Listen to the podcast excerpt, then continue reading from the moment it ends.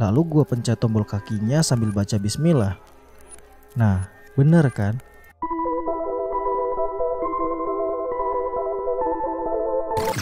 Selamat siang, selamat malam, atau selamat pagi. Jumpa lagi dengan mahasiswa siluman.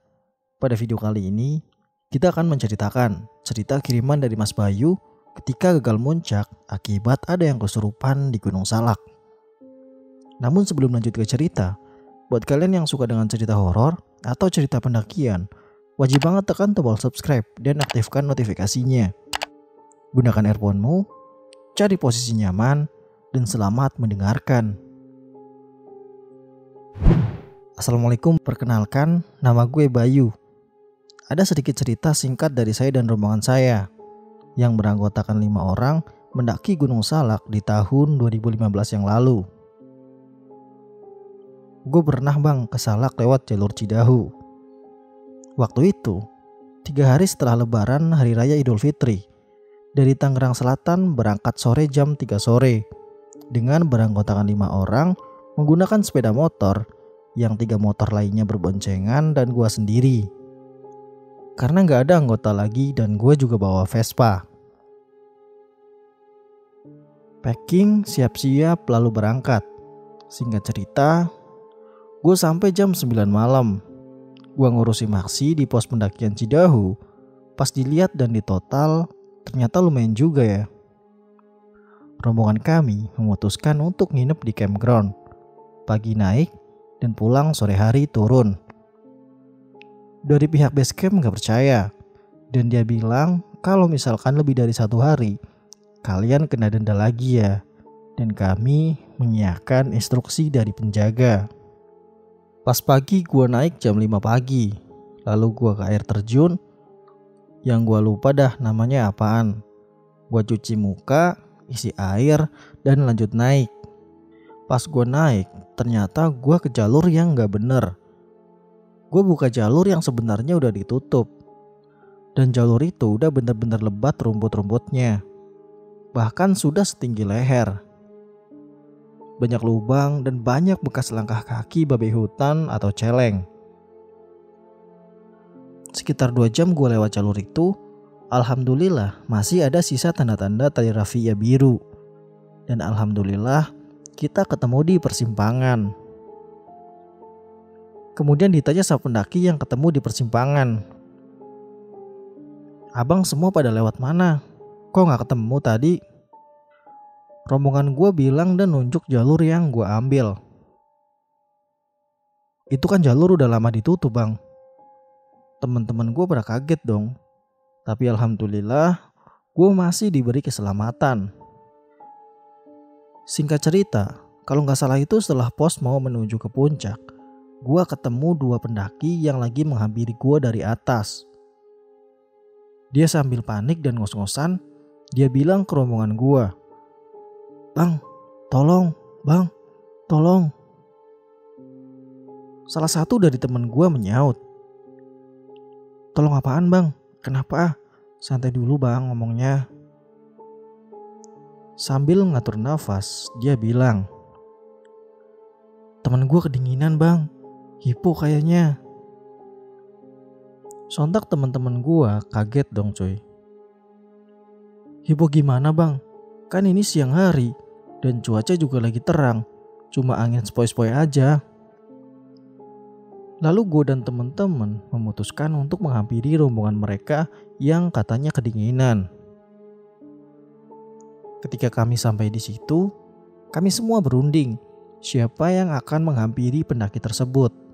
Dan keputusannya, gue yang suruh menghampiri. Lalu gue pegang kan badannya. Ternyata dingin banget cuy. Gue punya pikiran kayaknya ini kesurupan deh. Lalu gue pencet tombol kakinya sambil baca bismillah. Nah, bener kan?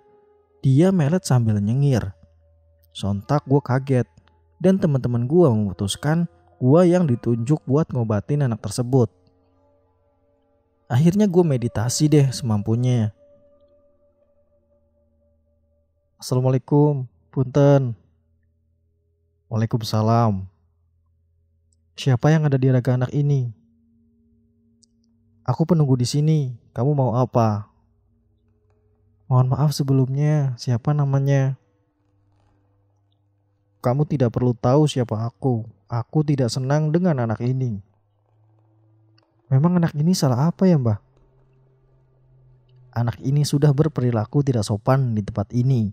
Dia sudah kencing sembarangan tanpa permisi sama sekali. Dan istri saya dikencingi oleh anak ini. Saya tidak senang dengan anak ini. Mohon dimaafin ya mbah, bila anak ini salah, nanti kami akan mengingatkan kepada anak ini agar bisa menjaga sopan santun serta etika di alam. Tapi kami minta tolong untuk mbah keluar dari raga anak ini. Kasihan anak ini mbah. Setelah itu, gue tanya diam-diam ke teman-temannya. Ternyata betul dia kencing di shelter mbak tiga, sesuai dengan penuturan jinnya. Lalu jin berkata, Tidak, saya tidak akan keluar. Kami minta tolong ya mbak.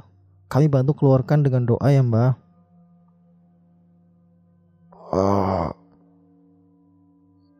Lalu gue bantu keluarin dengan membaca doa yang pernah diajarin guru gue, serta teknik pengeluarannya. Alhamdulillah, akhirnya keluar juga. Lalu kemudian anak ini diberi minum. Gue bilang, Ajak anak ini ngobrol dan jangan bengong. Namun gak lama kemudian, sekitar 3-5 menit, anak itu kesurupan kembali dengan jin yang berbeda. Atau bisa saja mungkin sama karena jin dapat menyerupai banyak makhluk dan karakter. Untuk yang kedua kali ini, Alhamdulillah bisa diatasi dengan lancar. Dan pas meditasi dia bilang, Teman-teman saya di belakang sudah menunggu giliran untuk masuk serta mau bawa anak ini. Gue kaget dong, lalu gue paksa untuk keluarin dengan cara yang sama. Sudah dibilang jangan bengong sedikit pun, ternyata anak ini kembali kerasukan. Dan untuk yang ketiga kalinya, dia minta macam-macam, mulai dari kopi, rokok, sampai kembang kantil. Untuk kopi dan rokok dikasih, namun untuk kembang kantil tidak mungkin ada di sini dan tidak mungkin juga ada yang bawa. Di sini rokoknya dimakan pada bagian apinya. Kita semua jadi pada kaget dong. Karena mulai tidak kondusif, akhirnya gue paksa untuk keluar. Dan alhamdulillah keluar juga dengan cara yang sama. Baru beberapa menit, anak ini kembali kerasukan untuk yang keempat kalinya. Yang ini yang gue rasain yang paling parah dan dahsyat. Yang masuk semacam seperti macan, ganas, mengesor-ngesor ke tanah dan mencakar-cakar tanah. Gue perintahin yang lain untuk megangin dengan erat. Lalu gue meditasi lagi. Entah gimana, sontak gue meditasi dengan bahasa Sunda. Padahal gue gak ada keturunan Sunda sama sekali. Ternyata pas gue tanya ke guru yang pernah ngajarin gue, gue disebut manggil orang atau roh yang dia bilang masih uyut gue. Silsilahnya itu uyut gue dulu katanya punya ilmu buat ngobatin orang sakit dan orang kesurupan. Gue lanjut interogasi sambil bacain doa. Doa itu juga gue gak ingat yang baca apa. Karena gue setengah sadar dan gak sadar. Soalnya posisi itu udah ada roh lain yang buat bantu ngeluarinnya. Eh ternyata gue malah diketawain sama si jin itu. Ilmu kamu belum kuat untuk melawan saya. Jangan coba-coba melawan saya kalau tidak mau cilaka. Ketika mau dikeluarkan, saya kalah kontak batin dengan jin tersebut. Dan yang saya rasakan saat itu lemas, nyesek, dan hampir pingsan. Akhirnya gue sudah sadar dan gue bilang ke semua, bantuin itu yang megangin, bahaya, khawatir nanti lompat ke jurang. Soalnya kiri kanan kami adalah jurang dan jurang yang kiri sangat dalam, sekitar 100 sampai 200 meter. Cuaca sekitar langsung berubah. Yang tadinya biasa aja jadi sangat dingin karena angin kencang yang berhembus semua langsung pada pakai jaket. Tiba-tiba ada rombongan dari Bogor sekitar 12 sampai 15 orang yang hendak pergi untuk ziarah di makam yang ada di puncak. Lalu mereka bertanya, Misi Kang, ada apa ini Kang rame-rame? Ini Kang kesurupan. Ini yang masuk bukan jin biasa, ini jin penunggu di sini, yang salah satunya yang paling kuat. Ayo kita keluarkan bareng-bareng dengan membaca doa serta sholawat yang akan bantu ngeluarin saya yang akan bantu ngeluarin dan yang lain membaca doa yang saya instruksikan, yaitu membaca surat An-Nas, surat Al-Falaq, surat Al-Ikhlas, ayat kursi, doa tahlil, solawat, dan rawatib Al-Hadad. Si Akang ketua rombongan itu mulai meditasi dan mengeluarkannya.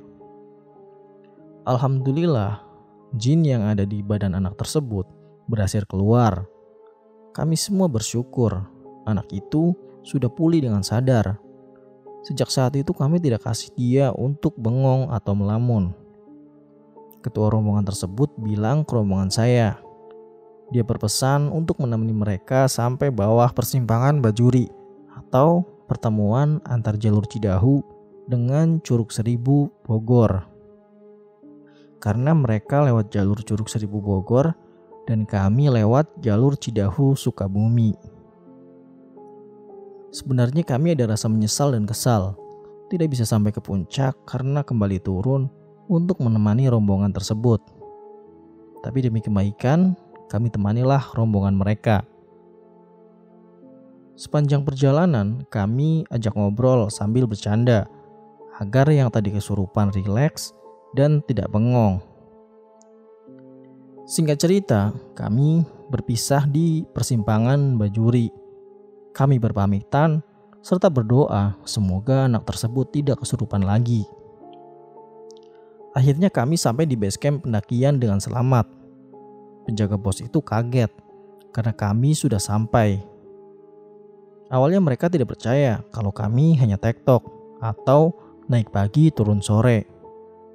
Padahal kami tidak sampai puncak karena menangani rombongan tersebut yang kesurupan. Lalu kami istirahat sejenak di warung untuk minum, merokok, serta ngopi-ngopi dan pulang. Sekian dan terima kasih. Jadi begitulah pengalaman dari Mas Bayu ketika gagal muncak di Gunung Salak. Percaya nggak percaya, kembali ke pribadi masing-masing. Ambil hikmah dari setiap kejadian dan tetap berhati-hati dalam setiap pendakian. Sampai jumpa di video kami selanjutnya. Salam lestari, mahasiswa siluman.